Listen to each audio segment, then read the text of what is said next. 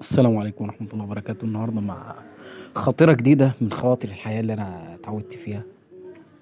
إن يقول ابن حزم رحمه الله تعالى وابن حزم ده يا جماعة من الشخصيات الجميلة جدا المؤثرة في التراث الإسلامي.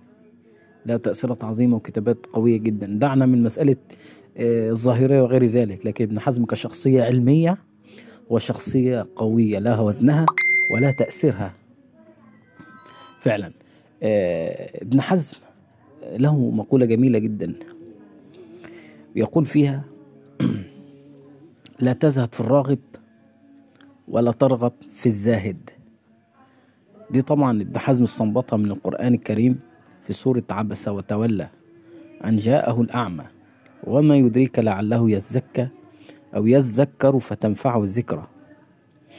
أما من استغنى فأنت له تصدى وما عليك ألا يزكى وأما من جاءك يسعى وهو يخشى فأنت عنه تلهى كلا إنها تذكرة فمن شاء ذكره في صحف مكرمة مرفوعة مطهرة بأيدي سفرة كرام بررة ثم باقي الآيات قتل الإنسان ما أفر غير ذلك فابن حزم رحمه الله تعالى استل هذه الخاطرة الرائعة والفائدة العظيمة جدا من واقع الحياة التي كان يعيشها. وفعلا الدنيا لا تحتاج أن إيه أن ترغب في إنسان زاهد عنك. لا يريدك ولا يريد صحبتك ولا معيشتك وغير ذلك أنت محتاج إنسان ترغب في من يرغب فيك.